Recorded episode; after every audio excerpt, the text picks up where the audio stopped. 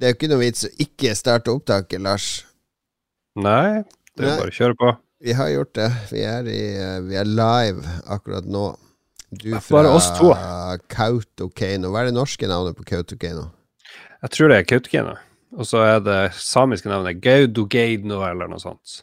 Ish. Ok, ja. ja fordi alle De som ikke har vært i Nord-Norge, med en du kommer opp til til Troms og oppover, så er alle skilt har sånn to navn. Et norsk og et samisk.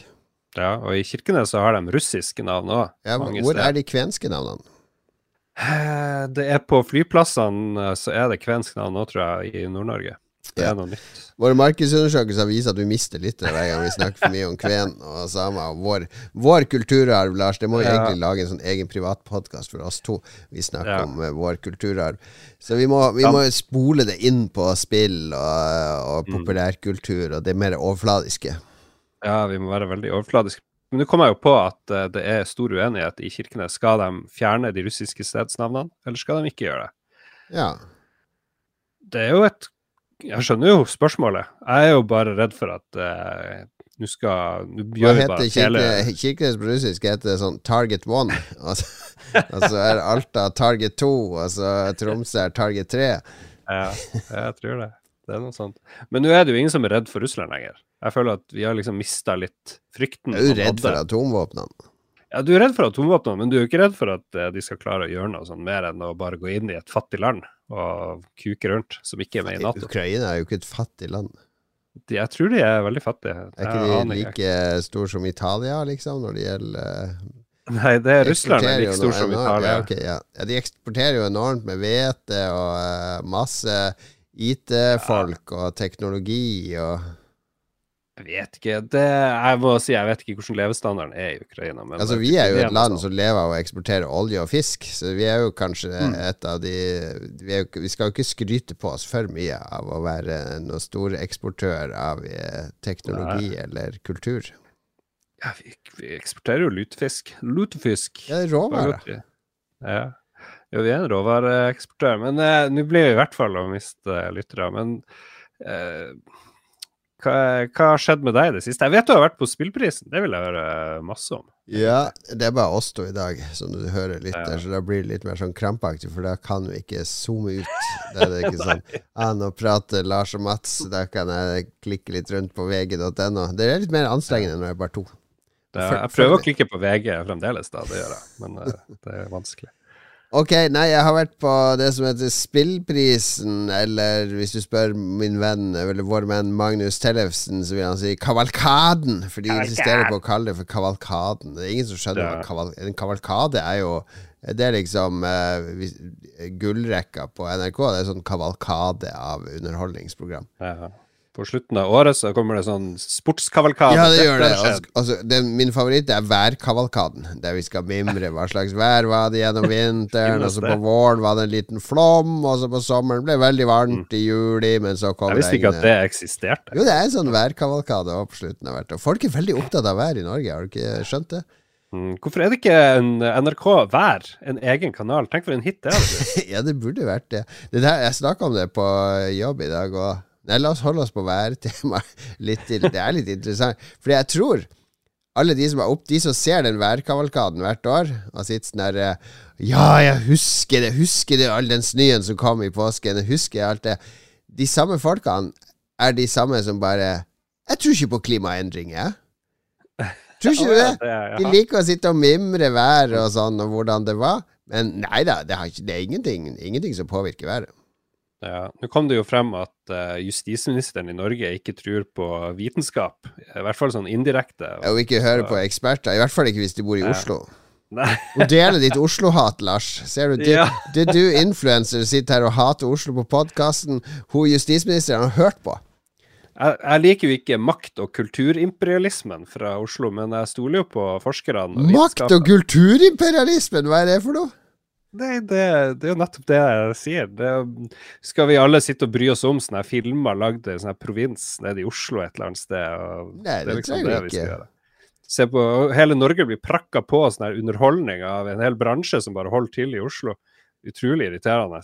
Er All sånn? underholdning i Norge skal liksom skje nede i Oslo. Nei, det har mye bra. Så dere lager heftig og begeistret, husker jeg. Hele, hele landet jubla jo for disse nord, dette nordnorske mannskoret som snubla rundt og sang. Det var, det var vakkert. Og så hadde du Men så har de knust Du skal høre mye av Rorbua. Det er liksom Ja, men det var NRK Tromsø som har ansvar for det. De lager bare barne-TV.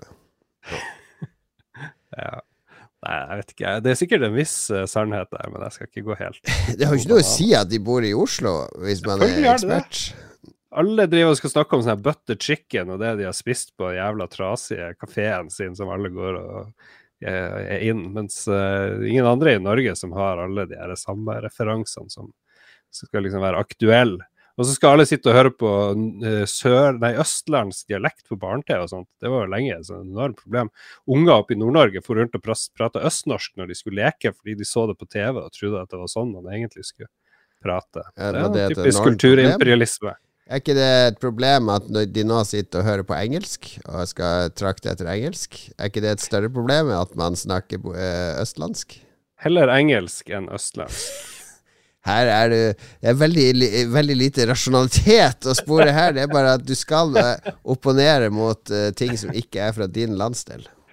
Du er jo blitt sånn der landsforræder, egentlig, nedi der. Og skal til og med fått jobb i kommunen der nede, hvor alle sitter på ræva i sånn der 60 000 mennesker, eller hva som er den kommunen. Jeg er nærmest. Det er Norges største arbeidsgiver.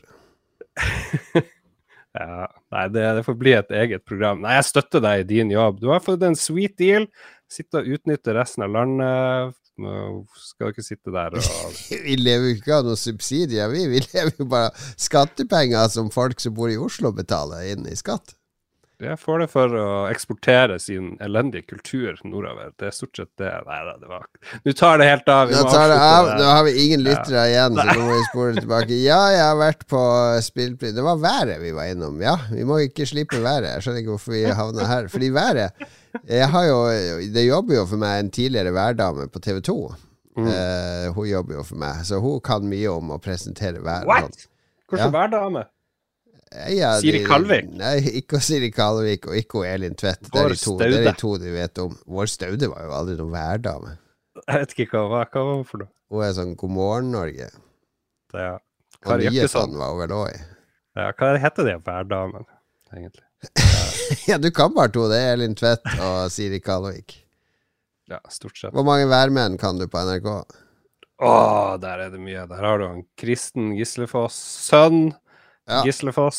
Jeg husker ikke helt hva han heter. Og så har du ei som heter Siri Wiberg, for hun gikk eh, Når vi gikk på Blindern, så hun tok fysikk samtidig med meg, da, Ah, ja. så jeg brukte å sitte attmed på bakerste rad.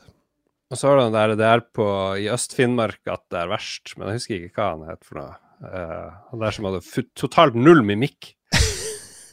Han Vidar, Vidar Theisen. Vidar Theisen.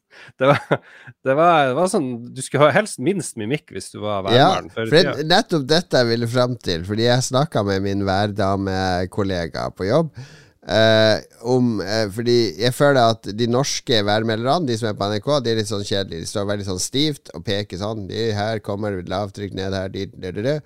Altså De hverdagene på TV2 De er litt mer sånn De har ikke noe sånn pinne eller noe sånt. De går litt sånn rundt med hendene, og- men de er litt forsiktige. Fordi med en gang du kommer til USA og ser en sånn værmann på morgensendinga De har så mye motorikk. Det er sånn De liksom bøyer hele kroppen og illustrerer tornadoene og sånn. De, det, for Mm. dem er det litt sånn performance å vise været. Har du, du har sett det når du har sett på sånne amerikanske nyhetsgreier.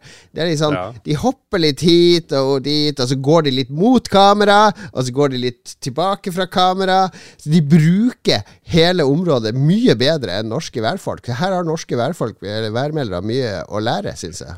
Ja, det, det tror du har rett. Den, eh, Gjør det et show, og så gjerne litt sånn der eh, Aha, vi blir bra på stranda i dag, men ikke glem solkremen, dere! Altså, de, de, kommer med noen sånne morsomme poeng oppi det. De prøver å, å knytte det til livene våre i større grad enn å bare si Mm. det blir tre grader og sydvestlig bris. Ja, men vi er jo mer sånn i Norge, da. Du kan ikke ha det der. eh, Du regnes som useriøs, det blir too much. Nå er det sikkert litt sånn på vei Vi blir sikkert mer amerikanisert, eh, dessverre, da. Men eh, det ser vi jo bare hvordan nyhetssendingene har blitt opp gjennom årene. Mens USA har vært litt sånn crazy lenge, så har det jo det er først nå det begynner å bli litt liv der. Men mest kjente værmannen for meg, det er jo han uh, Bill Murray i Groundhog Day. Groundhog Day! Hvor han er, spiller jo en værmann som skal drive og Ja. være på assignment. Hvorfor sa Hvorfor du er ikke norsk Hvorfor sier norske- du eh, sånn der Bill Murray i Groundhog Day? Groundhog Day! Hva, hva var greia? Gjør du det? Nei, jeg syns han sier det. Synes han sier det på et eller annet Ok, ja. Ja. Uh, men de må jo men Vi kan ikke sitte og prate om værfolk i Nei, nei, men kanskje, Halvtime. kanskje vi skulle ta opp greenscreenene våre, putte på et værkart, og så spiller vi inn eh, hvem i Lolbua er den beste værmannen? Og så skal lytterne få, få kåre det. Det er bra, nå snakker vi. Snakker vi eh, greier. Ja, det her Yes, men det her var fordi jeg hadde vært på spillprisen. det er Altså, vi hadde kavalkaden, og så kom vi inn på årskavalkaden. Vi trenger ikke noe manus for å lage de greiene her. Herregud. Eh, oi. ja, det, Hvor full ble du? Mm, jeg ble ikke så veldig full, for jeg var jo DJ. Så da, Mhm. da, da, da svetter du og har så mye adrenalin, og du stresser litt. Så at det gjør jeg på hytta òg. Jeg kan drikke et tonn med lyder mens jeg DJ-er. Jeg klarer å holde Ja. fokuset. Du står og danser deg av deg. Men uh, jeg så jo på sendinga, jeg kunne ikke være der, dessverre. Uh, Mm. Jeg så eh, Magnus Tellefsen var på scenen, vår gamle Ja. kollega. Og der, hvis vi har lytter, gå på eh, Twitch, YouTube-kanalen vår, der ligger hele sendinga. Når Magnus står og snakker med de som vinner uh, det skal les NM i gameplay, så han blir litt sånn ivrig, og så tar han sånn liten sånn dans, der han vugger litt til sida. Han spør et litt sånn artig spørsmål, som han understreker ved å ta en sånn dans. Kan noen være så snill å lage en gif av det? Oi. Av Magnus som står litt sånn og danser med fingrene oppi i været, eller hvor det er. det, Du ser det. Bare se hele den scenen med Magnus. I ett punkt der så står han og danser i to sekunder. Få loopa det. det. Jeg har trua Magnus med at vi skal gjøre det. Han nekter, for at han gjorde det, men vi skal finne den. Vi skal ha en sånn gif. Mm. Artig. Og så var det, var det han Mattis Delerud eh, som var programleder for hele greia. Han var konferansier. Han var kjempeflink. Han var jo Mhm. gjest hos oss når vi hadde Utbrent-episoden, for han eh, jobba jo med det spillet Size Does Ja. Matter, og eh, det må vel kanskje si han traff jo veggen litt etter å jobba med det spillet. Mye stress og press, og være leder for et selskap og kreativ og alt sånn, så han, eh, han gikk i bakken en stund. Men han eh, Verdens fineste fyr. Jeg syns han var så bra på scenen. Han Ja. omfavna alle de nye òg, ikke sant? Husk hvordan det var å være ny. Han avslutta så bra der. Det, det var, jeg ble helt varm av å høre på. Og så så jeg noen bilder etterpå da spillprisgreia var ferdig. Men så var dere en plass hvor man skulle legge dansegulv, og det syns jeg var dårlig planlagt. Var det i selve lokalet? Ja, det var inne på? Eldorado e-sportsenter, og det dansegulvet skal du få billig av meg, for det holdt de på i 30 minutter å montere mens alle sto ute og venta. Eh, Visstnok skulle det være veldig lett å montere hvis gulvet var helt i vater, men det var det åpenbart ikke der. Så det fikk de nå endelig montert. Men eh, det ble bra dansegulv. Jeg tok ormen på det midt i en eh, sang, så det funka, det. Ja, du og ormen, det, det hører sammen. Ja, ja, Hest og meg og slangen fra Harstad og ormen, det er ja. Uh, jeg har ikke så mye å melde fra mitt liv. Jeg har hatt Jeg glemte å si med- at jeg har vært på Egons. Ja, du har vært på Egons. Vi hadde jo en svær greie med Egons. Du hata det jo overalt på jorda. Ja, ja, ja, det er Oslo-eliten, vet du. Vi misliker jo Egons. Ja, Hvorfor havna du på Egon? Uh, nei, det her var jo dagen etter spillprisen, så jeg hadde jo kommet hjem klokka tre med DJ-utstyret, sliten og sove. Og så eh, Ja, litt sånn Var det uggen din egen idé å gå på Egons? Liksom? Nei, kona ville gå tur, for det var sånn fint vær. Så greit, vi kan gå tur. Og så gikk vi Tok T-banen etter byen, og så gikk vi opp uh, langs Kongsveien og Ekeberg, og det er sånn Munch malte skrik, og vet, sånn, sånn kulturelitisme som har blitt skapt i Oslo. Jeg blir provosert. Ja. Uh, gikk opp der, og så vi, tok vi trikken helt til uh, uh, Ikke Holte, men jeg glemmer alt hva det heter. Nedi her et sted. Ingen som bryr seg. Og der, der er det noe spisested, så vi skulle spise sen lunsj der, da. Så det var liksom en Burger King, og det Jeg sier jo alltid ja takk til Burger King, men uh, kona mi er ikke så, så hipp på Burger King, så må alltid ofre seg når jeg tvinger gjennom Burger King. Så jeg jeg, jeg gidder ikke det. Jeg kan gå på. Burger King alene. Altså, det var et sånt sushisted som heter Nordlaks eller noe sånt, men det er ganske kjedelig. Så vi droppa det. Og så er det baker Samson, eller hva det heter. Ok. Og så er det Egons. Og da ble det Egons, rett og slett. Fordi jeg ville, jeg ville ha noe Det var jo sånn dagen derpå. Ville ha noe Ikke sushi, ikke noe boller. Ja, du må ha noe fett. Ja, ha noe, noe fett. Så jeg bestilte en sånn BLT-sandwich. Fikk en sånn bitte liten tekopp. Det skulle være med pommes frites, så jeg fikk en sånn bitte liten tekopp med en åtte-ni eh, små pommes frites oppi. Og, og en uh, kylling-sandwich med litt bacon Ah, ja. på. Ja, det var et kylling, tydeligvis. Fordi vi kom, vi kom dit uh, 14 DLT med kylling, ja. Det er, det er jo ikke rett. Nei, det er Egons. Men, men vi kom dit 14.03, så jeg så egentlig på frokostmenyen. For der hadde de en sånn der som så sinnssykt god ut, sånn en sandwich. En club sandwich. Det var det jeg ville ha. Men, eh, men nei da, eh, frokost slutta å servere 14.00. Og da hadde jeg sånn falling down-øyeblikk. Men ja, klokka er 14.03 nå, da. Jeg er ikke sikker på at det går er 14.00. Det er ikke noe frokost etter det. Beklager, sir. Så det var Egons. Altså dispenser cola, og det var helt greit. Var helt greit Men vi, had, vi var jo uten barn, da. Det er, veldig, det er ikke så ofte vi går ut og spiser uten barn. Vanligvis er de med, og da må vi gå på sånne steder som Egons. Og det var jo barn overalt rundt oss, da, så det var jo fullstendig bortkasta å gå dit eh, barnløs på Egons, følte jeg. Ja, nei, det, det er Egon. Men det er ganske dyrt òg. Det er mitt inntrykk. Ja, det var kjempedyrt. Ja vel. Da, da fikk vi en egen Nei, jeg har prøvd Egons, da. Så det er ikke bare et ubegrunna hat. Jeg har vært på Egons, og det var Det fungerer akkurat til det det skal, men det er jo ikke det, Ja, ja.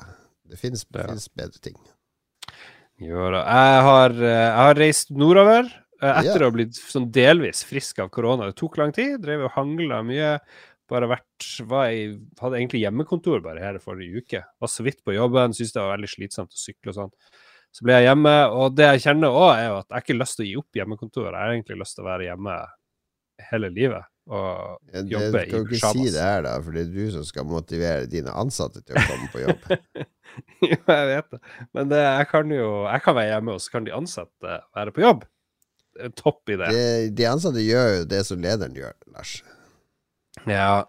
Men hvis jeg har sånn her eh, blue screen, green screen, og så later som at jeg er i en skyskraper Ja, et veldig sånn profesjonelt miljø Ja. Nei, jeg skjønner jo at det går ikke. Men eh, så har jeg spilt, og så har jeg fulgt med på nyhetene, og det er den store, og det som har gjort meg mest glad, det har vi jo også snakka om i Spillrevyen, og det er jo at han eh, Ron Gilbert i to år, i all hemmelighet, har jobba med et nytt Monkey Island-spill med de samme folkene som lagde musikken, med samme fyren som var med og lagde historien. Husker ikke helt hva de heter, de her gamle karene. Og det gjør meg glad på den samme måten som da det kom ut at han skulle jobbe med sånn her gammel point and click-greier, der Thimbleweed Park, som jeg jo dessverre ikke har spilt igjennom. Men, eh, men bare at han gjør det Jeg trenger ikke spille der, nye Monkey Island, men bare at han gjør det, det gir meg glede eh, i livet mitt. Det gjør det. Ja. Så sa jeg at veldig mange andre syntes òg det var kult. Veldig mange som har kommentert på nettet bare Ah, shit! Jesus Christ! What the fuck? For det var liksom ikke gitt at det skulle skje. At han skulle få lov å ta Disney sin eh, Ja, Men det er jo også en liten trailer til det. Syns du den så kul ut? Nei! Nei. Ja. ikke sånn spesielt, men eh, jeg vet ikke. Jeg, jeg, må, jeg må skjerpe meg og prøve å gjøre ferdig Broken Age. Det var jeg òg veldig gira på. Ja. Spilte aldri ferdig. Jeg var gira på The Cave til Ron Gilbert. Spilte aldri ferdig. Mm. Det er veldig mye Men jeg, jeg har funnet ut at det er ikke så viktig å spille. Bare spille litt. Bare sånn, «Å ja, ja, ja. Få den gamle følelsen. Så jeg liker det.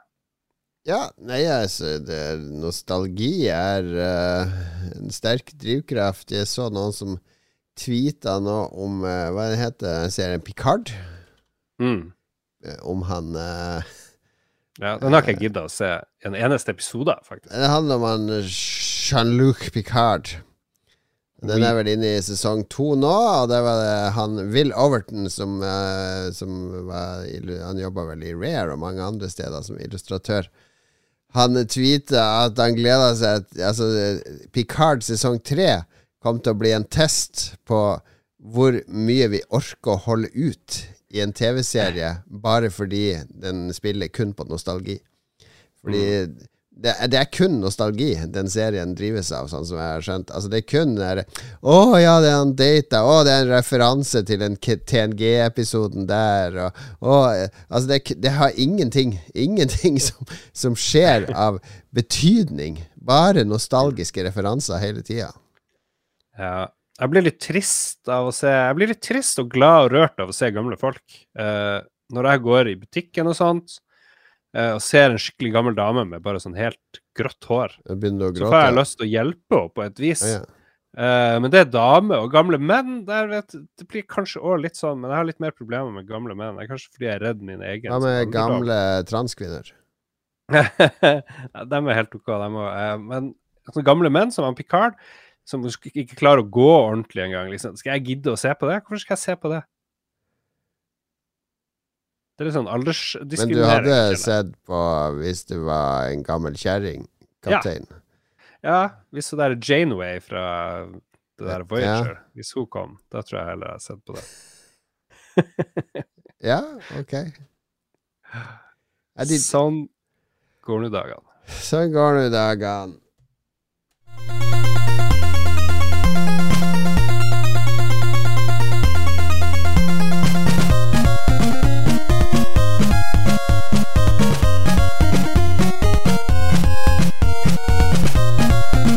Hvilke spill er det, Lars? Jeg det satt og tenkte på det.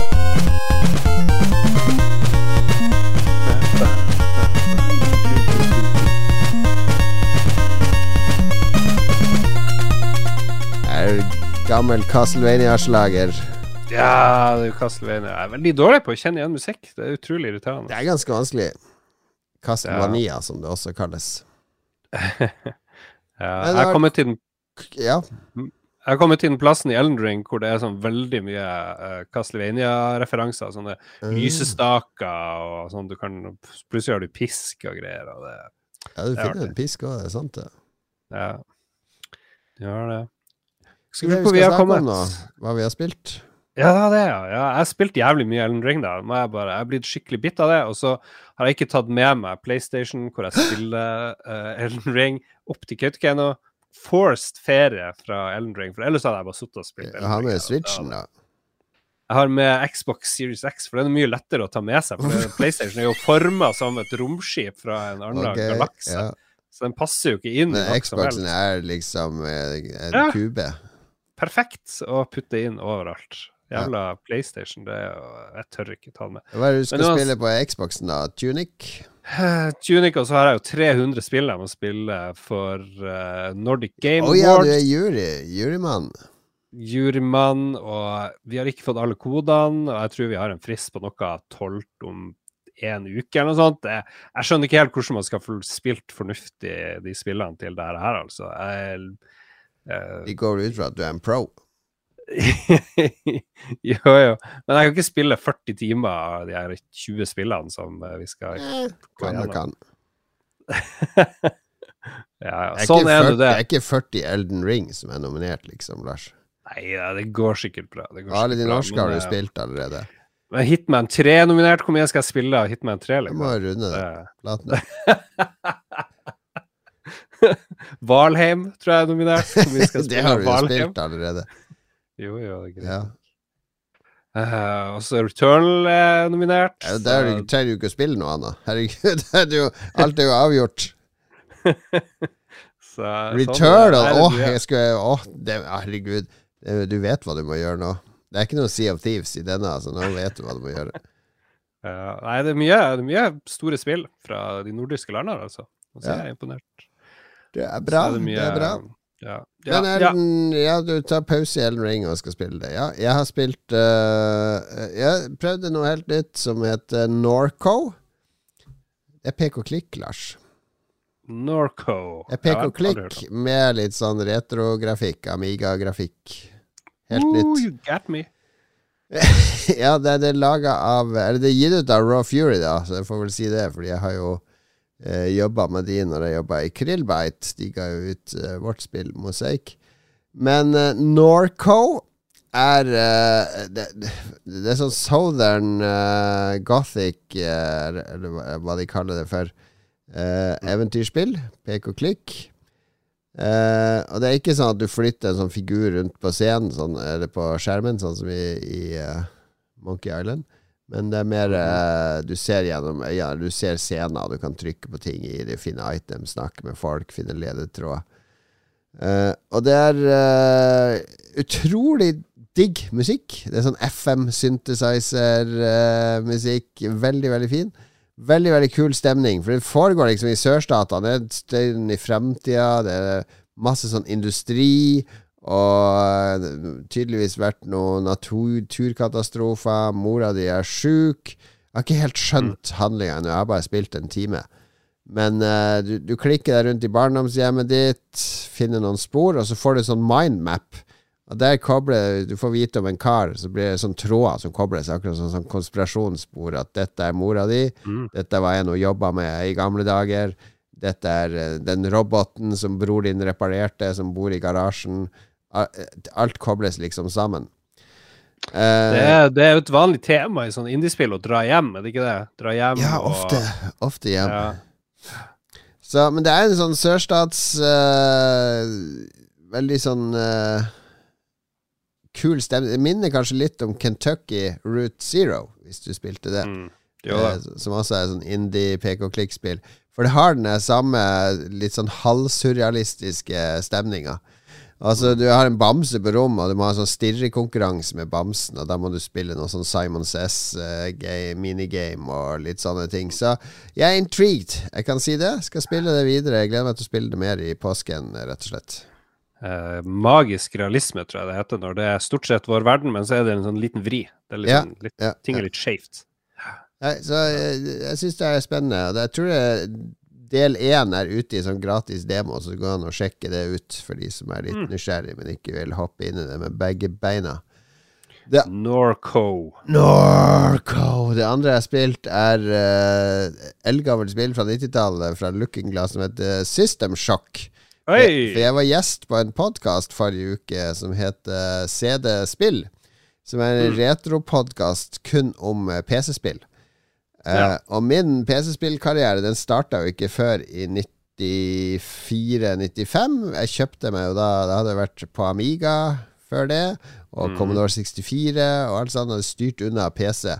Uh, Eh, fordi det var jo ikke noe ordentlig spill på PC. Det var sånn Kings Quest og sånn helt til eh, Doom kom, og Wolfenstein og mm. Tie Fighter og et par sånne andre spill som Amigaen vår ikke hadde sjanse til å kjøre. Uh, da begynte det liksom Ok, dette er litt interessant. Og så kom det et spill som heter System Shock fra Looking Glass. De hadde også laga Ultima Underworld, som var et spill jeg hadde veldig lyst på. Så da var det ok, nå må jeg bruke halve studielånet i Oslo. jeg dro opp ved Bislett til en sånn bitte liten PC-sjappe. Du vet, det var en greie på 90-tallet. Jeg husker mm. Erik Honor. Ja, I Harstad. Det var masse sånne små sjapper med sånne karer som bodde hjemme hos foreldrene, som bare kjøpte inn PC-utstyr eh, til grossistpriser, og så solgte det videre i, i lokalbyene sine. Jeg tror det var tusenvis av sånne over hele Norge. Unge menn som bare kjøpte og bygde PC-er og, og, solgte det videre. Så det var jo sånn jeg kjøpte en toppspekka Jeg tror jeg betalte 14 16 000 med skjerm for en 486 DX2 66 MHz PC. Det var utelukkende for å spille Systemsjokk eh, og Ultima Underworld. I dag får du omtrent et grafikkart for den prisen. ja, nesten. Så jeg måtte gjenbesøke Systemsjokk, og det ligger jo ute en sånn der enhanced edition på eh, Steam. Eh, fordi det er nesten umulig å styre den originale. Eh, så de har, de har forbedra styringa litt. Så jeg kjøpte den, lasta ned. Jeg ble sittende i to timer og spille systemsjakk. Det var helt magisk! Helt magisk gjensyn. Herregud, så gøy det var. Ja, det har de, ja, de har litt enhanced edition. Har de gjort noe med grafikken? Nei, nei, det, nesten det... ingenting. Det er kun styringssystemet, fordi det var nesten umulig å styre både Ultima Underworld og System Shock. Fordi bruker, du styrer ikke med musa. Musa er en markør. Så du styrer med taster. Det er veldig sånn kronglete å snu seg og manøvrere og alt sånn. Fordi du Det ligger i vår natur nå å bruke musa til å styre hodet ditt i førstepersonsspill, men det var ikke etablert da. Men det er veldig mye System Shock gjorde. Det er veldig gøy å besøke. Det var det første spillet med sånn audiologs, som liksom fortalte Mm. en historie. Uh, det er masse ting det spillet pionerte når det gjelder åpenhet. Det er jo en sånn forløper til Thief. Altså Thief ble jo laga av samme folka. Så det, det er en prototype på mye av det du finner i Thief og Deuce X og alle de spillene. Veldig mange spill har lånt veldig mye fra, fra System Shock, var vel det vi kom fram til i den podkasten. Eh, er kommer du til å runde spillet på nytt? Er det Holder det seg så bra, liksom? Ja, det er fordi jeg har runda det flere ganger før at jeg tror jeg gidder å spille det. For jeg tror ikke nye folk vil helt klare å komme inn i det. Så Men jeg vet ikke om jeg kommer til å runde det. Så antagelig ikke. Ja, for sånne gamle 3D-spill, eh, spesielt sånn PlayStation 1-æraen og sånt, det går jo ikke an å spille omtrent, fordi nummer én, det ser så stygt ut, og kontrollene er ofte ganske dårlige. Og, Ja, det er mye, sånn. mye som mangler i de som ikke er etablert. Så nei. Men uh, musikken Du skulle hatt musikken her. Hold praten litt i gang, så skal jeg, skal jeg finne musikken. oh my god. Ja vel. Systemsjokk. Det var han der eh, eh, Hva han heter han som eh, lagde det, eller som var regisserte det? Eh, han het eh, eh, altså Det er mange som har vært med på det. Jeg tror Warren Spector var noe involvert. Ja, ja, ja. Men han hovedfyren som lagde det, han um, uh, Han er ikke så kjent. Han, han jobba i Valve uh, fra 2005 til 2015, og så tror jeg rett og slett han pensjonerte seg fra spillbransjen. Jeg trodde det var han der, Warren Spector, men uh, OK. Nei, altså, uh, Ken Levine jobba jo òg i Looking Glass. Jeg tror ikke han jobba på System Shock, men han tror jeg var en megafan av System Shock, fordi alt han har laga etter System Shock, er jo Bioshock, og alt de er jo, er jo rene rip-offs, eller homasjes, til System Shock. Ja.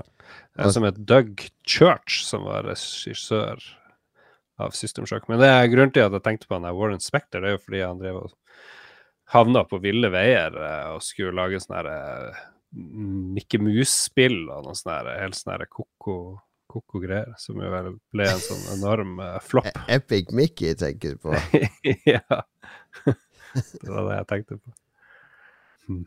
Ja, vi må nok vente på musikken. Nå har vi litt musikk fra System Shock her. Vi koser oss.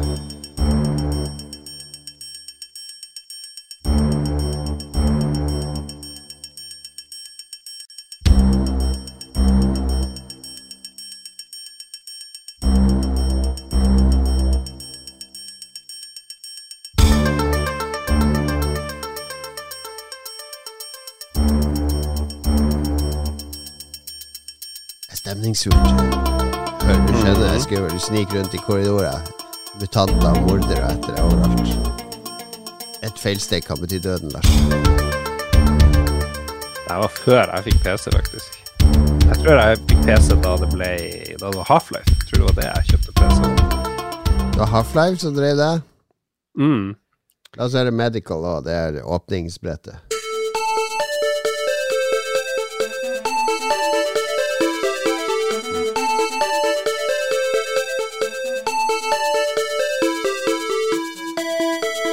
En annen ting med PC-musikk på denne tida, det hadde jo noe å si hvilket lydkort du hadde. Husker du det? Soundblaster, Å32 eller Roland, og det var mye å velge i. Det var det som gjorde at vi Amiga-folk hadde god samvittighet lenge. Det var det var så dårlig lyd på PC. Ja, det var jo bare sånn piping fra den høyttaleren i kabinettet opprinnelig, hvis du ikke hadde et lydkort. Ok, Men, eh, magisk, men- magisk gjensyn. Men den Roland-lyden der, eller de der eh, adlib-greiene, det er ganske kul lyd, da. Jeg liker å høre det. Den varm, det er sånn varm og myk eh, synthesizer, så jeg liker den veldig godt, jeg òg. Så nei, Skal vi se, har vi hoppa over til neste spalte her? Nei, vi må jo spille noe ordentlig musikk først. Ok.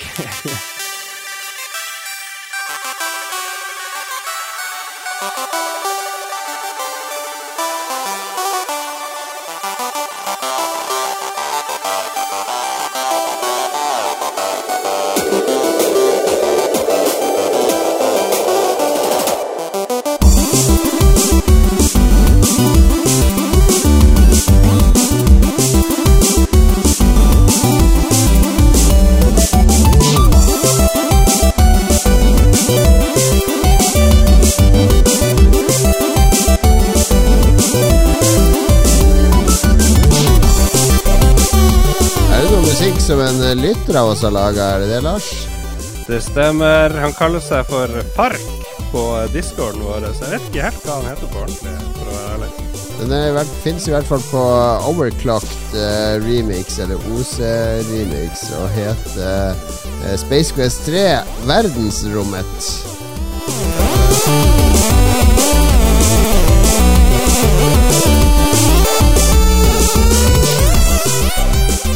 Veldig kul låt. Jeg kan ikke Ja, si at jeg husker kule. Space Quest 3-musikken, da. Nei, fordi vi snakka om Space Quest. eh, Det var vel du som nevnte det, tror jeg. Og så Ja. fikk han eh, vann på mølla, og han fyrte opp eh, sin M8-trekker og lagde den her sangen, som har gjort stor suksess. Tenk at vi har vært med å inspirere et, et sånt kunstverk.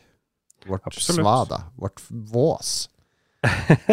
Den er spilt av bare på YouTube, så den er spilt av 1,6 Nei, 1600 ganger. Så på kort tid.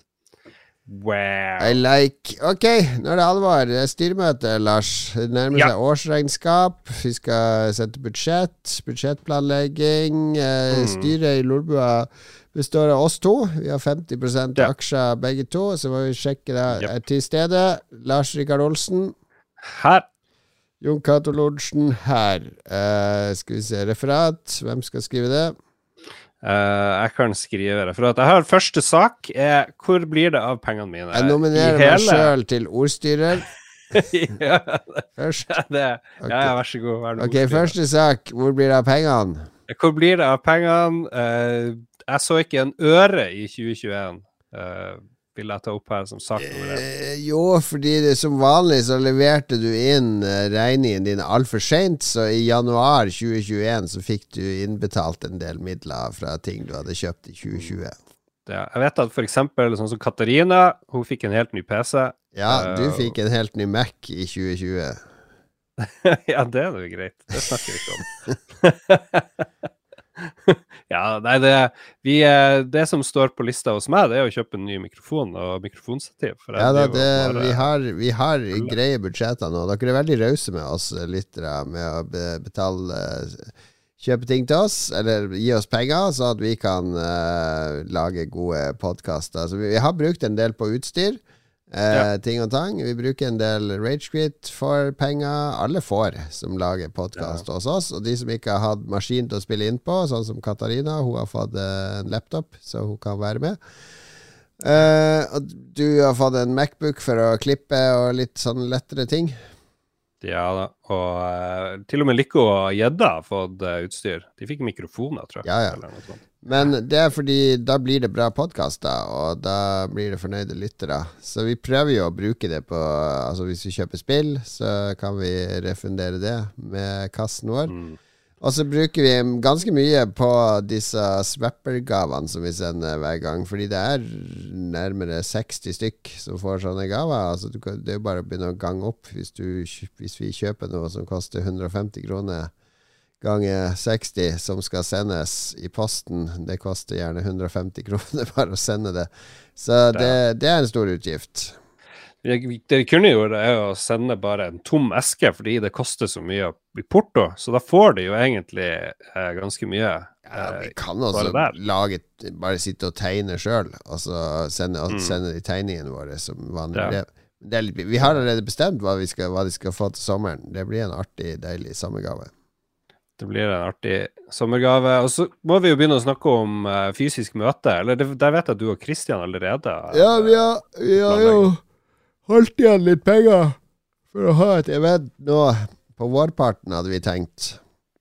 ja. Blir det i det her forferdelige sørlandsområdet? Østlandsområdet? Nei, vi kan jo be lytterne om å komme til Kautokeino. Ja, kan vi vel. Koster bare Hvis jeg skulle reist hit i helga, så hadde det kosta 5000-6000 kroner, men det kosta bare 3000 og noe å reise på en mandag. Så det er jo kjempebillig. Bare glede seg. Altså, vi må jo gjøre en beregning. Hvor er det flest lyttere får glede av det? Er det i uh, Kautokeino? Eller i Harstad er det noen lyttere? Så, vi har jo Ja. hatt samling i Harstad hos deg før. Det har det. Ja. Det har det. Så, men vi må ha et sted. Vi hadde egentlig tenkt å ha det i Oslo, siden det åpna nå. Vi har What? noen ideer om hva vi skal gjøre. Vi må finne en helg som passer for deg, Lars. Det er viktig at du kommer ned, selv om du hater Oslo. Ja, jeg må gå med sånn blind bind foran øynene, så kommer jeg ned. Ta med, ta med din bedre halvdel og kom på Lolbua-fest med lytterne. For vi har planlagt en fest med lytterne Oi. på vårparten en gang. Det handler bare om å finne en dato, så blir det Og da håper vi at flest mulig fra alle Lolbua-redaksjonene blir med, og at masse lyttere har lyst til å komme. Og da skal vi spandere Mm. på lytterne, selvfølgelig. Men det er jo, det her er episode 397. Snart er det episode 400. Må vi liksom spare? Skal vi gidde å spare opp 400, eller? For det gjorde vi én gang. Da blir det sånn Det blir mye surr i det publiseringsgreiet. Ja, det blir veldig surr. Ja. Jeg tror vi bare driter i det. Men Vi vi, kan spare det til episode 404. Vi inviterer til fest, og så er det ingen, det er ingen der når, når de alle lytterne kommer, for det er 404. Page not found. Nei. Jeg skjønte det. Men eh, skal vi gjøre noe på der, episode 400, da? Det må vi jo tenke på. Ja, nå er det påske neste uke. Ja, Vi tar kanskje påskefri ferie. Ja, vi må nesten det. Vi er bortreist begge to. mentalt. Det òg. Eh, det, det blir jo ja, 1. mai cirka kommer episode 400. Kan vi få 17. mai og episode 400 samtidig? Vi skal se Det, det er ikke så interessant å diskutere. Nei, det er ikke så interessant. Ok. Da føler jeg at eh, styremøtet nå er kommet til eventuelt, tror jeg, Ja. ser jeg her. Ja. Eventuelt. Har du noe eventuelt vi bør ta opp? Er det noe du er misfornøyd med? Det er jo viktig å ta opp eh, nå når vi kan bakse? Nei, no, jeg går og gruer meg til jeg skal sitte med årsregnskapet snart. Men uh, bortsett fra det, ingenting. Ok. Nei, men da, eh, da foreslår jeg at jeg signerer på det her referatet her, hvis du syns det ser greit ut. Jeg er godkjent fra min side. Vi snakkes om et år.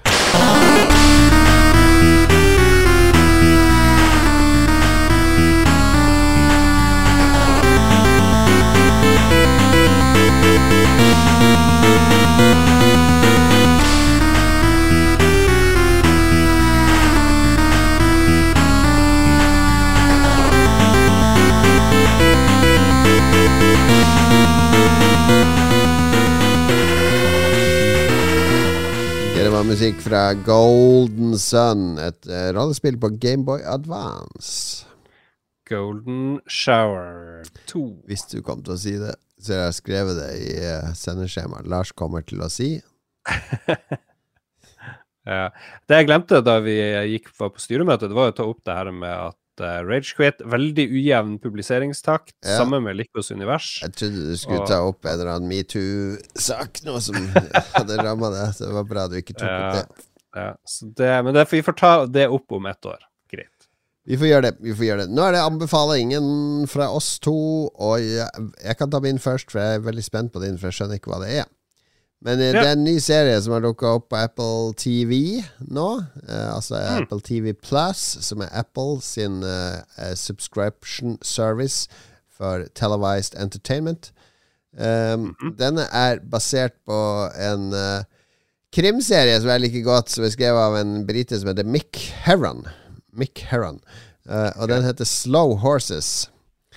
Eh, Ganske dårlig navn på en krimserie. ja, fordi den handler om uh, MI5, som holder til på Regents Park i London.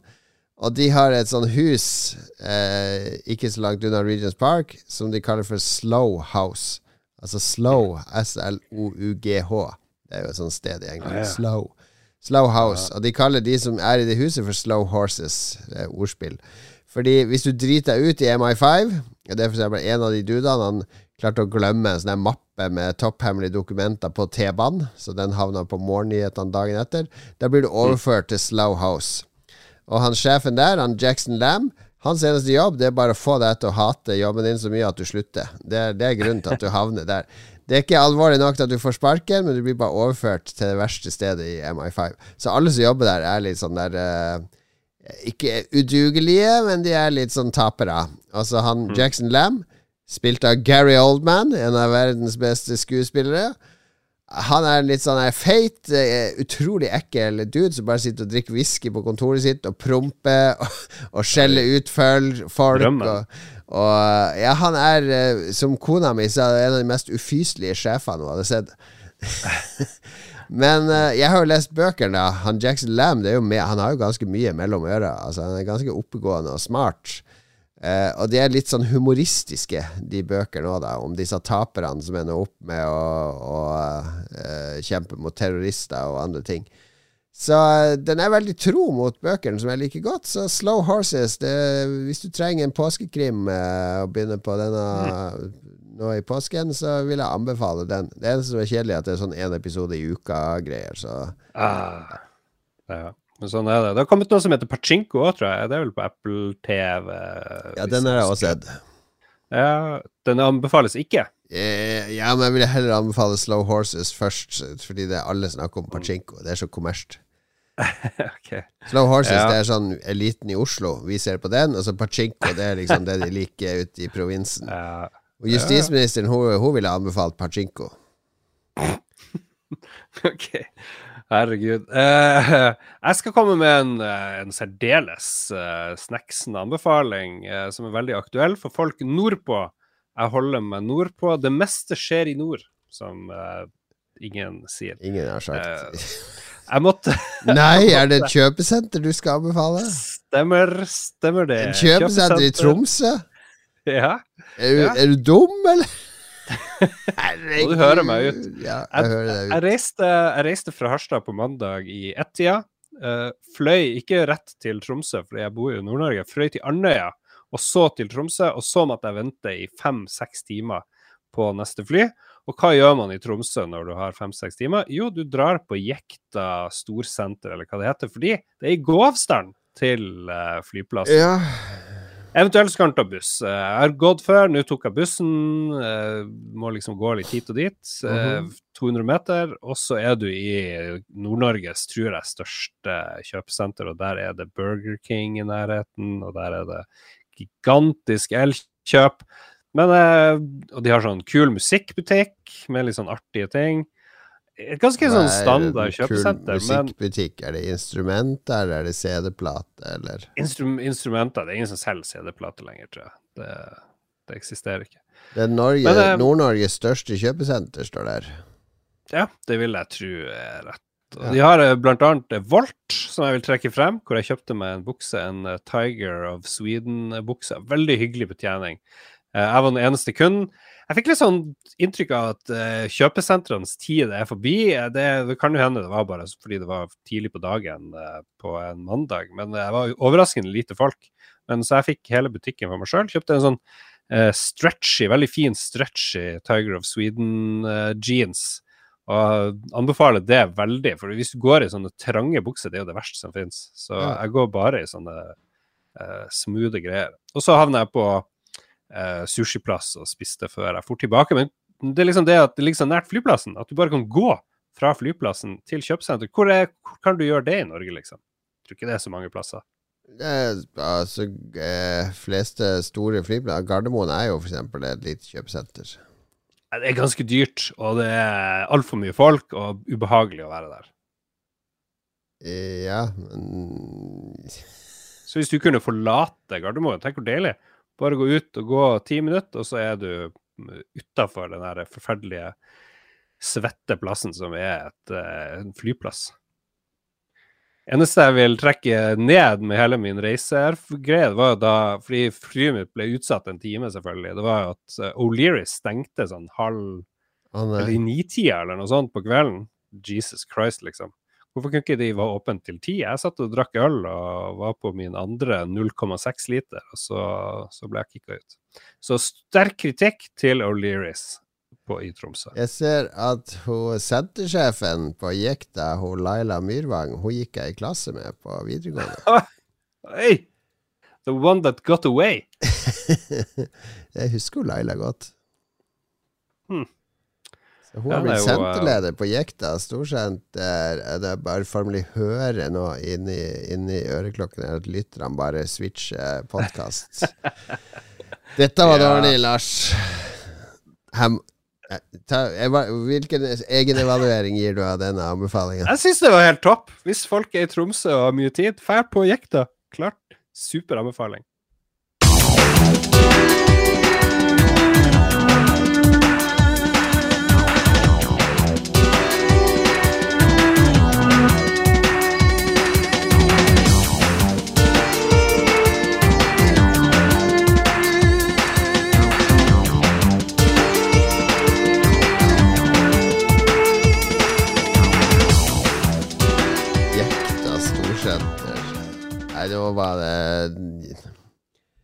Ok. Jeg skal ikke henge meg mer opp i det. Ja, men vi har mye, mye lyttebidrag, da. Kanskje vi kan ta de så jeg glemmer det jekta fortest mulig. Jeg mener, alle de her eh, anbefalingene våre av TV-serier som alle har hørt om, det er, er det som Slow Horses er ingen som har hørt om. Jeg tok den og ikke Pachinko. ok, ok, ok. Ja. Lytterspalten, Ja. det blir spennende. Mhm. Det blir nice. Uh, spurte Av en eller annen grunn så hadde jeg, fant jeg et bilde av sånne utrolig vellykka folk eh, i dress og slips og i seilbåt og Ja, det er fra Oslo, tror jeg. Ja, det vil jeg tro. Det er ikke fra Harstad, i hvert fall. Uh, hva hadde du gjort hvis du fikk 400 millioner kroner sendt deg ut der som en, en Hvor tok du det beløpet fra?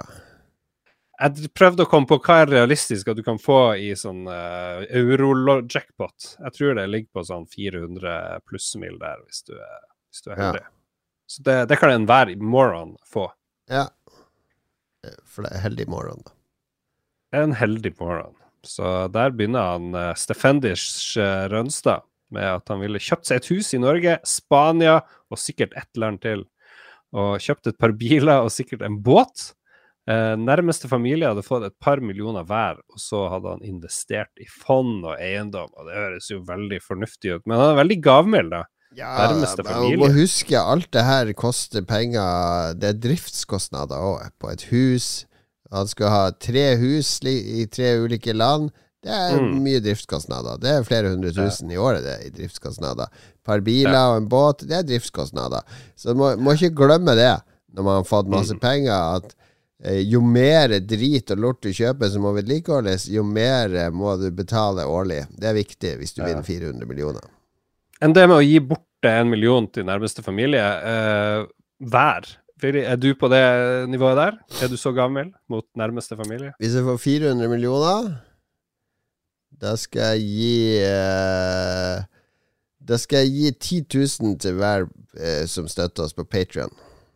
Akkurat den, den dagen jeg vinner. Ikke noen sånne ettpåklatter som 'Jeg har alltid ment å støtte Jeg støtter dere nå! Se her! Én dollar, Jon Cato! Én dollar!' Ja, jeg hører på det her. Nå kan du, nå kan du få 10 000 kroner fra Jon Cato. Ja. Veldig bra. Ja. Nei, familien Jeg hadde jo selvfølgelig brukt det på familien nå. Mm. Det er jo Ja. klart. Vi det er jo- familiefolk. Enn til barna, bør ikke de klare seg sjøl i den harde verden? Eh, Drive og gi dem sånn her én million hver til barna, det, jeg tror, jeg tror ikke det hjelper barna, gjør det det? Ja, du kjøper de, hjelper de med bolig og sånne ting. Og så må de jo klare seg sjøl. Men det du kan ting litt lettere. Du er ikke vel bygd på at det bygger karakter og svetter og sliter? Jeg bare, jeg stiller spørsmålene. Jeg bare ja, du har ikke svarene. Jesper Nicholsen han ville ansatt tre privatdetektiver og få dem til å spionere på hverandre i noen år. Det var jo litt sånn humor der, da. Ja, jeg tror ikke han har gjort det på ordentlig. Han prøvde bare å være morsom. Det er Alexander Selsvik han ville kjøpt x antall leiligheter til å leie ut. Ja. Der, Nå snakker vi. Nå snakker vi. Uh, kjøpt ett fett hus, to biler, bryllup i Italia uh, med 85 mann. Skal Gifte seg med 85 menn? Ja. Og en klokke som sier 'se på meg, jeg vant i Lotto'. Og Her er vill spenning, altså. Jeg ser Mm. foreløpig nå veldig få som er interessert i liksom Jeg ville blitt en uh, investor, publisher av norske dataspill og hjulpet den norske spillbransjen opp og frem. Jeg ville eh, investert i, i kunst eller industri eller næring for å bygge den nye næringen. Alle skal bare ha eiendom. Eiendom og familie og tenke på seg sjøl. Det er ikke rart vi er et pottitland. Men den norske økonomien er jo rigga mot at uh, du bør kjøpe deg et hus. I hvert fall ett. den norske altså. økonomien er rigga mot at det er bare eiendom. Eiendom, eiendom, eiendom. eiendom Det er det eneste som betyr noe. Det er, det er helt fucked. Ja. Men det der med klokke, det har jeg aldri skjønt. Jeg Nei, forstår ikke ikke det der med klokke. Ja. Kanskje en sånn lommeur len med lenke. ja, eller sånn svær sånn der Flave Flave-klokke. Ja, sånn rundt halsen. Ja, det, det, det Den sier i hvert fall 'se på meg'. Sier ikke 'se på meg, jeg vant i Lotto'. Den sier 'se på meg, jeg er en idiot'. Er ikke det det den sier? Uh, jo, han er ikke så veldig lur av flere og flere. Nei, han har drevet seg litt ut, og er visst tung heroinist, har jeg hørt. Mm, ja, det kan skje den beste. Tom Wilhelm Ødegaard han ville kjøpt opp alle NFT-er. ja, det er litt gøy. Det skjer mye med NFT i spill nå. Det er spill som uh, blir rana for, uh, for penger. Mm. Det er spill som legger ned, som har NFT. Det var et Formel 1-spill nå der folk har drevet Å, jeg har kjøpt Formel 1, her var den unike Red Bull-NFT-en her. Og så bare Nei, nå, vi har lagt ned spillet. Sorry, ass. Å ja, men jeg har vel fortsatt NFT-en min. Jo, men du kan ikke spille med den eller se på den noe sted. det var ikke poenget at jeg skulle kunne overføre den til et annet spill? Vi, er, vi har ikke tenkt å lage noe mer spill. uh, Drømmen begynner å slå sprekker, sad but true. Det, ja, ja. Jeg liker han Tormod Kristians sitt forslag. Han ville malt fjøset. Der har du en med beina på jorda. 400 millioner på bok, ja. Skal nå ikke bli tullete av den grunn, jeg går ut og maler fjøset, jeg, kjerring. Uh, han eh, Magnus Eide Salstad, vår venn, hadde kjapt Lolbua, Radcrew og nerdelandslaget. Og hvor, mye hadde, hvor mye skulle vi ta? Hvor mye må vi gi for Lolbua, Lars? Ja Det skulle vi jo tatt opp på styremøtet. Ja. Nei, hva er vi verdt? Det er jo en viss verdi her. Vi må få en evaluering. Ja. Det finnes jo ulike måter å måle verdier siden verdi på, men jeg kan ingen av de. Jeg har vært inne i møter med folk som driver med sånt, og det jeg fant ut til slutt, er at du kan sette den verdien til absolutt hva du vil. Fordi jeg, Vi kan si at Lolbu er verdt 100 millioner kroner. Vi kan mm. påstå mm. det. Det er ingen som kan motsi det. det er ingen som kommer, problemet er at ingen kommer til å kjøpe det for 100 millioner Nei. kroner. Men vi kan si at det er verdt det. Ja, vi kan si at det er verdt hva som helst. Ja. Men verdien er jo det noen andre er villige til å kjøpe det for. Ja, det er det, jo ingen som vet, for det er aldri noen som har prøvd å kjøpe oss. Men 100 millioner, Magnus, skal du få Lolbua. De andre Red Crew og nederlandslaget, de kan du få to for én, 50 mill. Mm. Han hadde rebranda alle de podkastene til Spillmatic. Ah. Uh, hadde han gjort. Ok. Ja, ja, ja. Han ville også etterisolert og bytte alle dører og vinduer i huset til Lars. ja, tusen takk. Og så driver han Christian Kjørsvik Gravem og foreslår at man kunne installere flere varmekabler som er kanskje i veggene. Ja, i veggene, da hadde vært lurt. det, det her er artig. han Magnus òg ville kjøpt Hawker over the top. Hva er det for noe? Ja, Det er de som lager sånne her eh, donuts i Drammen. Ja, ja, ja, vel, ja vel.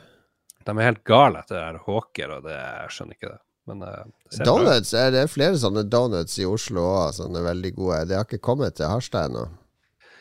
Nei, jeg ser de har en sånn greie i Tromsø, hvor det er sånn 14-åring fikk starte har sin egen donutbutikk. Ja, ja, ja, det er inn, det. Det er gøy, det. Men men jeg, det, det, virker veldig teit, for du har en donut som er en donut, og så skal du liksom bare glasere den med masse drit. Ja, den er mer eh, som myk. Det er mye mykere enn det du regner som Du, du, kjenner, du er Harstad, vet du. Du kjenner jo bare Duttas smultringer som brukte ja, å stå nede ved, ved rutebilen.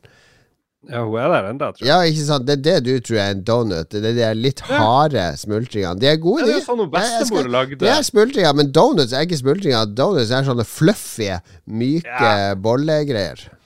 Ja, det er jo noe annet. Jeg vil ha ordentlige, de harde, brune der. Kanskje noen har sukker hvis du er heldig, og så er de resten er plain. Noe, de driver ikke og klistrer på sånne der uh, smågodt som smaker tannkrem. Det er jo det de gjør. Når de begynner å servere donuts på Egon, skal jeg vedde på at du begynner å like det. Det er sånn den konservative, provinsielle mannen må, må, oppdage nye ting.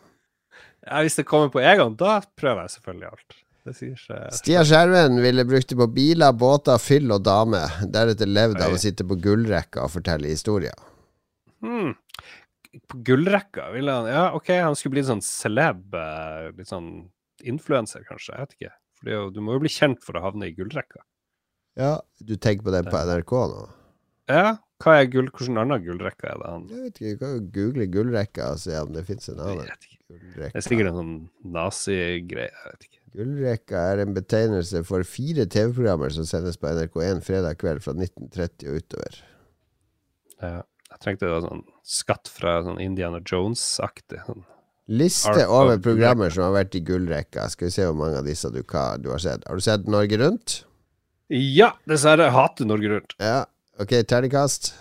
Eh, to. Bit for bit? Eh, terningkast én. Mest provoserende, disgusting programmet noensinne. Ok, neste program som har vært i gullrekka, På tråden med Synnøve. Jeg har aldri hørt om. Terningkast null. Det var Synnøve Svabe som filma norske kjendiser med skjult kamera mens de prøvde å komme seg ut av merkelige og pinlige situasjoner. Å, herregud. Det var en slags norsk punkt med Synnøve Svabe. Ok. Eh, neste gullrekkeprogram, Showbiz. Har, har det noe med Dan Børge å gjøre? Nei, det er en norsk TV-sendt talentkonkurranse som gikk på NRK1 i 2008-2009. Konseptet gikk ut på å finne sangtalenter blant ansatte på norske arbeidsplasser. snakk, om, snakk om å gjøre det så smalt som mulig! ok. 'Mesternes mester'. Mm, mesternes mester. Det er provoserende irriterende. Ja, ja, det, det, Det er er terningkast én fra meg. Fordi det er voksne folk som driver og leker med kom lekekommentarer til. Ja, nei, det, det er terningkast to, det òg. Lyngbø og Hærlands Big Bang. Er det noe porno? Hva er det for noe? Det er en eh, populærvitenskapelig underholdningsprogram som gikk i tre sesonger. Der to programledere stiller spørsmål til et ekspertpanel. Det er tema som penger, tro, fremtid, eh, kjærlighet osv. Eh, Programleder var Kåre Magnus Berg, selvfølgelig. Han er jo programleder i alt! Dagfinn Lyngbø var innom her, og Anne-Kat. Hærland. Jeg vet ikke hva, nå husker jeg noe av det. Jeg har hørt ut det var et forferdelig program. Og så er det et program som heter Popstock. Åh, hva er det gullrekka? Det beste er jo bare drit. Popstock, du var med programleder Erik Solbakken. Han er jo proff programleder, men Ja, tydeligvis begynt et sted uh, Hva er det som skjer her? Ingen av programmene er tilgjengelig i NRK, det er alltid dårlig. To lag Mm. med kjente deltakere leker og konkurrerer med musikk som tema. Gjester er Lisa Tønne, Elda Vågan og Ronny Le Tekrø. Ok. Kanskje det er blitt noe sånn uh, metoo-greier, liksom. Det er derfor de programmene er borte. Ja. Nå kommer dere til å ha hørt om Quizdan. Der, ja. Nå snakker vi Alt med Dan Børge er bra, Ja, ja, ja, ja, delvis. ja, ja, Og det her er, det er sånn terningkast fire pluss, eh, det her. Det er det. Ja, for det her husker jeg. Det var jo sånn quiz De skulle kåre Norges beste quizere og sånn, så det var liksom Det, var ikke, det er så mye quiz med sånn barn på TV, det er Mm. Kjedelig. Men her var vi voksne. Det store spranget. store spranget Det var sånn stavsprang-reality. Det var uh, norsk underholdningsserie hvor seks hestejenter skal lære fedrene sine å ri. Det, Ikke si noe. Ikke si det du tenker på nå. det Slutt. hørtes litt Nei, slutt. Slutt. Intriguing! Familiens ære. Uh, ja, det er sikkert noe sånn familieshow. De er helt Ja, det har jeg sett. Og det er det, er det jeg hater aller mest, det når man skal dra fram disse gamle idrettsutøverne. For her kommer det en sånn gammel idrettsutøver, altså Trine Haltvik, for Ja, eksempel, ja, ja. som tar med seg eh, sønn eller dattera, som nå er sånn Ja. 20 år, og så skal de konkurrere på lag med andre. Så så vidt noe. Det Gøran Sørloth eller Jeg husker ikke hvem som var med. Han der, Ja. helt Men det er altså Ikke sant, det er fire programmer. Så det første som alltid er med, det er Norge Rundt. Det er det som starter gullrekka. Altså Mm. alle de jeg ramsa opp nå, de er ulike underholdningsprogram som følger Norge Rundt. Og så kommer det et sånn fast program etter dette. Etter Bit for bit, hva er det som alltid kommer da, Lars? Du-du-du-du-du-du. ja, kommer Nytt på nytt. Ja, Ja, Nytt på nytt. Det har vært med helt siden starten. Er Nytt Ja, på det er bra. nytt Det er jeg. bedre eller dårligere med Bård?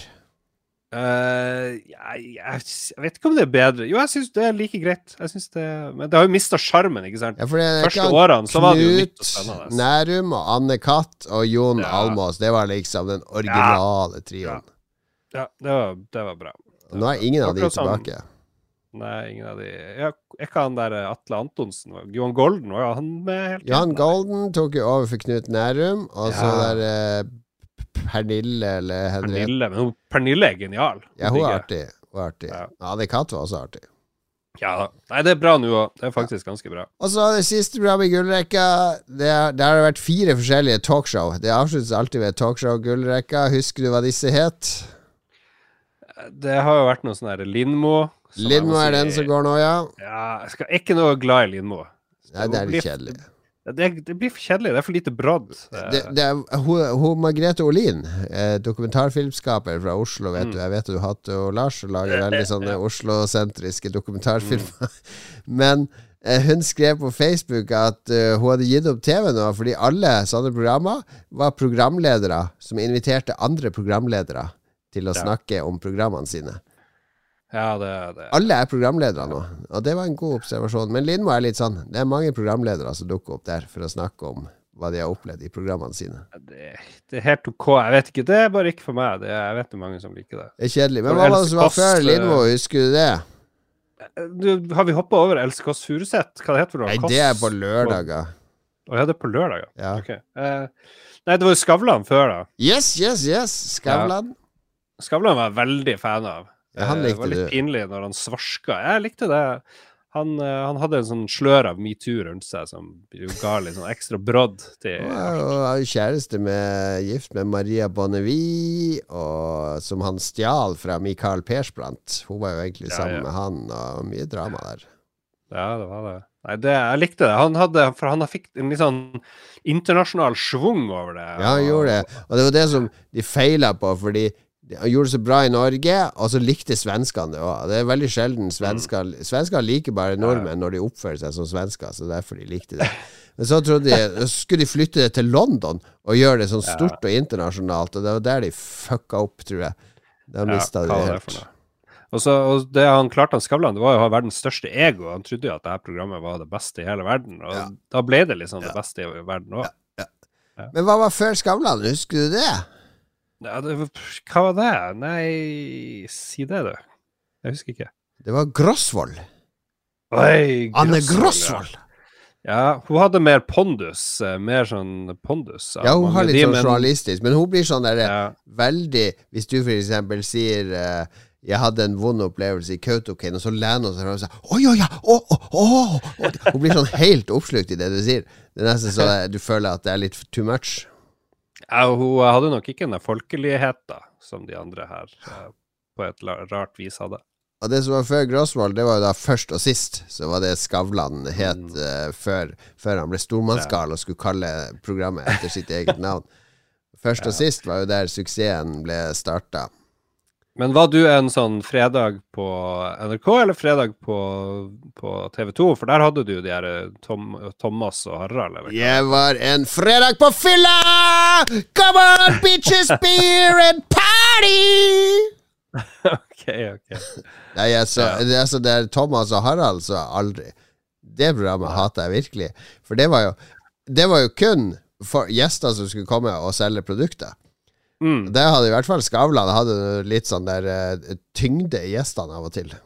Ja. Men de hadde de der hvor de for rundt og skulle gå på ski over Grønland, og jeg vet ikke, de hadde sånne rare Ja, så hadde de han der nordlendingen, han der tjukkasen, han Truls slo jo gjennom der. Og drikke seg full på premierefest. Og. Ja, det var kult. ja, Det var bra. det var greit. Ja. Ja, takk for spørsmålet. Eh, Stian eh, Skjerven, som alt hadde tenkt å skrive gullrekka. Så hadde vi ti minutter med content. Dette går bra, Lars. Jeg tror det var Øystein Reinertsen. Nei, det var Stian Skjerven som skrev at han skulle Skjerven. sitte på gullrekka og fortelle historien. Ja, det var det. Kristoffer Getboys Hansen, vi sa han hadde vunnet 200, 400, var det 400 millioner. Ja. Han kjøpte en ny rektor, så han kunne få jobba som lærer igjen. Det er litt sånn humble brag. Se på meg, jeg er rektor. Men eh, Ja, det er jo ikke noe brag, for det virker som han har mista jobben. At han har hatt en konflikt med rektor, som nekter at han kommer tilbake, så han vil ha en ny rektor. Så det er, ja, det det, ja. ligger jo en tragedie inni her et sted. Det gjør det. Vi tolker det sånn. Vi gjør det. Ja. All right. Synd for det, Kristoffer. Eh, Du kan få lov å klippe alle podkastene våre. Eh, Ja, det har vi egentlig slutta med. OK. Du må nok uh, finne en annen jobb. Eh, Magnus Eide Sandstad igjen. Drit i pengene. Hva kaller man eh, to bukser når én bukse heter et par bukser? Sier du det? Ja. Kan du ta på deg et par bukser? par bukser. Det er jo det samme som et par sko. Det er jo én sko, to sko, det blir et par sko. Men en bukse Du bukse sier er jo ikke det, du sier at du skal kjøpe deg en bukse. Jeg tror jeg har hørt at du kjøper deg et par bukser. Du har aldri sagt det sjøl. Jeg sier det hele tida. Nei, fordi vi har en Lolbo-episode der du i 15 minutter snakk om å kjøpe nye klær og bukser og sånn. Du sa aldri buksepar eller et par bukser i den episoden. Ja, OK. Jeg tror på det. Tror på. Det var, du, det var den gangen du anbefalte å kjøpe nye klær. OK, men det kan gå over til Gjelder det for briller også? Eh, Et par briller? her. Ja. Du kjøper jo bare ett- én brille, men du tar jo på deg En brille er jo en monokkel. ja. ja, ja. OK. Uh, Øystein Reinertsen uh, investert i gull, hadde han gjort. Vin og en leilighet eller tre. Gull, der nå snakker vi, og vin. Og så hadde han nok blitt produsent på Patrion vår, så det, det er jo Ja. koselig. Det er hyggelig. Men Kanskje om en whiskyflaske eller to til oss. Uh, det. Ja, det setter vi pris på, Øystein. Han Mhm. ville også fått seg et eget entourage. Ja, det er bare utgifter, stort sett. Uh, Ja, men de entourage. tiltrekkes jo millionærer som eh, ødsler rundt seg med penger. Da får de automatisk Ja. et entourage. Christian Gravem ville leid snekkere til å gjøre ferdig huset. hmm, det ville jeg jo gjort. ja, Det er ikke så dumt. Jeg ville nok pussa opp eh, bad og litt sånn i huset vårt. Ja, det er så jævlig dyrt, men det, åh, så er det mye tiltak. Du må liksom rydde bort alt mulig. Uff, ja. Du kan leie folk til å rydde òg. Ja. Vegard Lindland eh, han ville kjøpt seg et slott, faktisk. Billigere enn å kjøpe hus i Oslo. Det er jævla dyrt å varme opp og sånn, da. Slott. Det er kaldt om vinteren, og Mm. mus og rotte og Ja. Nicolas. Mork, derimot, han hadde kjøpt opp både i Harstad og Harstad-Tine. Lagd et Ja. nytt nordnorsk megamedium-imperium. Morsomt. Det er artig. Det må du gjøre. Ja, hørte falsk latter der, Nikolas. Morsomt. det må du gjøre. Det er det var ekte latter. Erlend Nettum, han ville kjøpt, eh, og han har tenkt mye på det her, kjøpt fast eiendom for tre fjerdedeler av pengene, altså 300 millioner, og så ville han bygd seg en prepperfestning på landsbygda for 100 mill. Ja. ja. Fast eiendom. Men fast eiendom og prepperfestning er jo egentlig det samme. Begge delene er fast eiendom. Ja, ja. Ja, det er nok det. Marius hadde Marius Skogekker hadde bygd Ja. en aksjeportefølje med godt utbytte. Selv om han kunne skaffa seg en 20% professor 2-stilling et sted og blitt profesjonell synser. Hmm. Eventuelt gitt tre fjerdedeler til humanitære formål og levd på resten i nærheten av en surfestrand i varmere klima. Nå snakker vi eh, Nå snakker vi eh, faktisk eh, noen med, med god moral her. Ja. Min, uh, vår gode venn eh, Marius er den eneste som har snakka om å, å donere til humanitære formål her. Mm.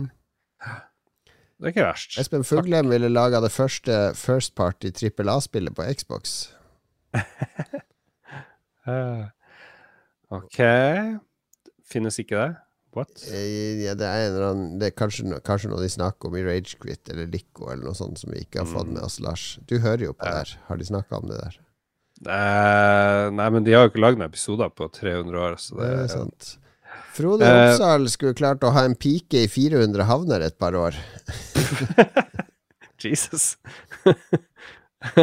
Var det kort nok? Jeg Ja. bruker å kritisere ham for å ha lange 400 havner, da. Det blir mye å besøke. Ja, det blir mye utgifter til kondomer. Det er vel stort sett det. Og sånne her konebidrag, barnebidrag eh, Jeg vet ikke. Mye leger. Ja. Hva er det Mm. greia det med å ha en pike i hver havn? Du hadde, når du var i Japan et halvt år, Lars, hadde du en sånn pike i hver havn. Ja, og det endte opp med masse damer jeg drev og surra med. Jeg var, hadde null kontroll, eh, mye dårlig samvittighet. Eh, litt hedonist. Litt hedonist. Det var, det var morsomt, det. det var Pikenes Jens var det. Og så kom han hjem til eh, Norge og var ikke verdt så mye bedre. Eh, Hun ene fulgte jo etter etter Norge òg, så jeg måtte jo drive og varte opp sammen med min daværende samboer. Måtte komme og bo hos oss mens du flykta. ja, jeg, jeg takla ikke det så bra. Nei, bare dukka opp sup Supplies! Huff da, stakkars Stakkars dame. Jeg beklager. Hun beklager, hyggelig. beklager. Hun spilte For jeg drev jo og spilte masse japanske importspill og sånn på den tida, men jeg kunne jo bare katakana, som Mm. basically er engelsk med de japansk skrifttegn. Så jeg måtte, hun måtte jo sitte i timevis og oversette. Jeg satt og spilte japanske rollespill. Så jeg tror hun, jeg tror hun flytta av egen fri vilje etter to dager. Åh, nei. Uff. Ok, vi er snart ferdig. Markus Storm Dahl eh, Segg. Bygd en atomsikker Lolbua-bunker. Ja, ja, ja. Selvforsynt med vann og mat, oppsett til LAN gaming for ca. 40 folk. Det er bra i Det Det er, det er også litt raust at han skal ha flere med seg ned dit. Ja. Men Gøran Karlsvik han er også tidligere uh, gjest og Mm. all around good guy. Han ville leid uh, spillkarakteren Hitman til å knerte Putin. Ja. Jeg syns det var Ja. Trist. Trist hvordan verden har blitt, altså, når, vi, når det er sånn eh, et uttrykk for nervøsitet og angst at vi må At det, det er nesten alvorlig at vi ønsker folk dør, liksom. Det er uff. Vegard Mudenia, Hookers and Blow, My Elisabeth Brew. Hallo, My Lisbeth, unnskyld. Hun hadde blitt Crazy Horse Lady med flott stall, ridehus og leilighet i byen. Boom! Det syns jeg var en verdig avslutning. Hva Mm. du hadde brukt pengene på, eh, Jon Cato? Uh, ja, det er jeg, Jeg hadde vel uh... Nå har du snakka mye om at man burde gi bort pengene, så her kan du ikke beholde så mye sjøl. Nei. Nei, jeg hadde nok gitt bort uh, noe. Altså, jeg hadde sikra familie og fremtid. Og det er jo ikke så mye som skal til for det. Og så eh, Jeg hadde Jeg har det jeg trenger, så jeg vet ikke helt hva jeg skal kjøpe. Så jeg, men jeg, jeg hadde kanskje prøvd å la opprette et eller annet som skal stimulere til vekst i den norske spillbransjen. Altså mm. Uh, funde noe studioer eller et eller annet. Det er jo risikosport nummer én, men uh, hvorfor ikke? Ja, ja. Jeg tror jeg hadde fått en sånn heltidslege. For jeg er jo litt sånn små hypokonder og sånt, så jeg ville Jeg ville sjekka meg sjøl for kreft sånn en gang i måneden, sikkert. Eh, så godt det lar seg gjøre. Og psykolog. Det er jo det artigste med å bo i USA. Det er jo liksom Alle har psykolog. Jeg vil Hvorfor er det så vanskelig å få psykolog i Norge? Så det, det går mer på sånn, eh, sånne uh, Hvis du hadde vunnet 400 millioner, så hadde du prøvd å finne en psykolog å snakke med. Ja! Jeg vil ha en fast psykologtime hver uke. Det, det er Er ikke det her, det vi gjør nå, er ikke det på en måte psykologtimen din, Lars, hver uke? Jo. Det er jo det. Tusen takk. Og så kunne man gitt bort resten og alt det der var Kanskje vi har noen lyttere som er psykolog, så du kunne ringt til hver uke? Ja, kan ikke vi Ja, jeg vet ikke. Ja. Må det være Jeg sånn? vil, ikke, jeg, vil ikke, jeg vil ikke belemre noen lyttere med mine eh, problemer. Det orker jeg ikke. Er det bare problemer? Er det ikke både glede og sorger du skal dele hos psykologen? Jo, det er vel sikkert det, men det, problemene er jo mer interessante. Jeg har aldri vært hos en sånn ekte psykolog. Er det sånn, Må man ligge på sofa og sånn? Nei, men jeg tror det har vært en sofa tilgjengelig, stort sett, der jeg har vært. Ja. Ja. Men er ser du Ligner den på de sofaene som er i ca sånn casting coach-sofa? Nei, nei, ikke før nå. Nei. Ja. ja, det er sånn du, du ville blitt sånn. Casting couch-psykologen. Bare metoo. Nei, jeg tror jeg hadde blitt en bra psykolog. Jeg tror jeg er god eh, Eller jeg, kan, jeg er litt for krass, da. Jeg må jo eh, holde igjen, Mm. kanskje. Ja, men du har jo ulike metoder. Du har liksom den der eh, Freud. Alt kan tolkes analt og mordig og sånt. Ja. Er du, er du der? Er det der du er? Du er forelsket i din mor og har enorm angst på grunn av det. Nei, jeg tror ikke det. Det er god å tolke drømmer, da. Har du hatt noen drømmer nylig? ja, at uh, leieboeren kom og skulle si opp, og så sa han opp på en sånn veldig omstendelig måte, mens jeg bare tenkte ja, ja, den bare si opp, det går helt fint. Jeg vet ikke helt hva det betyr. Herregud, tror ikke. Det betyr Det, det betyr at uh, du eh, du, du vil ligge med din mor, betyr det? Jeg vet ikke hva det betyr. Jeg, dårlig, jeg blir en dårlig psykolog. Jeg trekker tilbake alle mine, mine forventninger om å bli en god psykolog. Du må bry deg om andre for å bli en god psykolog. Ja, men jeg bryr meg jo om andre. Ja, ok. Ja, ja. Ja, Så bra. Uh, skal vi takke noe Patrion? Skal vi avslutte det? ja åssen skal vi takke de i dag? Åh, vi eh, kan ehm, Ja, hva er det dyreste de eier? Hva er det meste de har brukt penger på? Det kan vi finne ut. Annebeth har jo sin eh, mann Joakim. Han koster nok god, en god slump penger, tror jeg. Så der går det mest. Krallnor kjøpte en gang en 30 år gammel Stratos på finn.no, out of print Stratos, som han fortsatt har eh, vakuumforsegla i kjøleskapet sitt. Mm -hmm. Duke Jarlsberg er jo en uh, duke av Jarlsberg, og han har uh, kjøpt en enormt dyr ost for 50 000 kroner. Gøran Helge Nilsen brukte en gang 5000 kroner på en meet and greet med Steven Seagal da han uh, oh. var på premieren til Under Siege 2. det var billig. Det, det var verdt det. Skal vi se uh, Kenneth Kobrakar84. Han har en vaskeekte Kobra hjemme. Kjøpt uh, for uh, overraskende lite. Men så beit han noen, og så måtte han betale erstatning, og det ble kjempe, kjempedyrt. Drepte et barn, dessverre, den kobraen. Takk for meg. Kenneth Nei, hva var det nå? Onkel Stian Onkel Stian han uh, kjøpte en gang en uh, brukt bil fra en mystisk mann i hette som ikke ville vise fjeset sitt. Og først når han kom hjem og googla litt på bilmerket og uh, at den var kommet til Norge, så fikk han vite at det var Tom Cruise han hadde kjøpt en bil. Herregud, for en dårlig historie.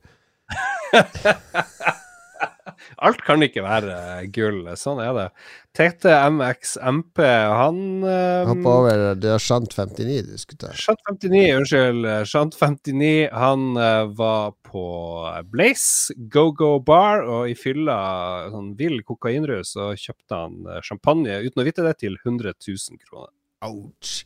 TTMX MP derimot var i Japan på ferie, og i fylla så bestilte han en sånn komplett Yakuza ryggtatovering, og det skulle være absolutt skulle ha en norsk fugl eh, på ryggen, for det er vanlig å ha sånn fugl og fisk og eh, øgle og sånne ting. Så han mm. kom hjem med en gigantisk måketatovering på ryggen som han hadde betalt ni eh, millioner yen for. Og til slutt, vår uh, venn Frode, han uh, brukte alt han eide og hadde, faktisk, på en uh, uteligger. Han møtte en tilfeldig dag. De bytta plass. Han ga bort identiteten sin. Han het Arnt, og så fant han den Frode uteligger som fikk ta over livet hans. Sånn gikk det for seg. Sånn var det med den saken. Det tok veldig lang tid å takke Patrions i dag. veldig. Men ja. Vi får Sånn er det. Takk, takk for alle patrions. Dette var produsenter. Vi takker alle vanlige patrions òg. Det finnes veldig mange av dere. Tusen, tusen takk. Takk for at dere hører på. Lolbua er eh, en podkast av og med Jon Cato Lorentzen og Lars Rikard Olsen. Og ofte har vi også med oss Mats Rindal Johansen, Philip Mauricio Fløgstad, Katarina Jeg husker ikke alle etternavnene, Lars. Katarina Berg Rue. Yeah. ja. Og eh, nå har jeg sikkert glemt noe nå, så nå fornærmer jeg noen. Jeg hater at vi er mer enn tre, Lars. Det er, det, er, det er, stress Det er stress å holde styr. Sånn går det. Sånn går det. Til ære for Ron Gilbert, som snart kommer med nytt Monkey Island-spill. Her er en uh, SID-versjon av det klassiske Monkey Island. Vi høres igjen om to uker. God påske.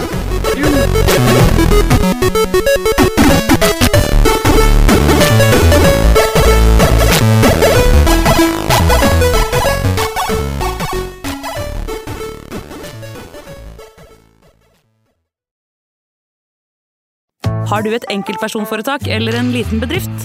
Da er du sikkert lei av å høre meg snakke om hvor enkelt det er med kvitteringer og bilag i fiken, så vi eh, gir oss her, vi. Fordi vi liker enkelt. Fiken superenkelt regnskap.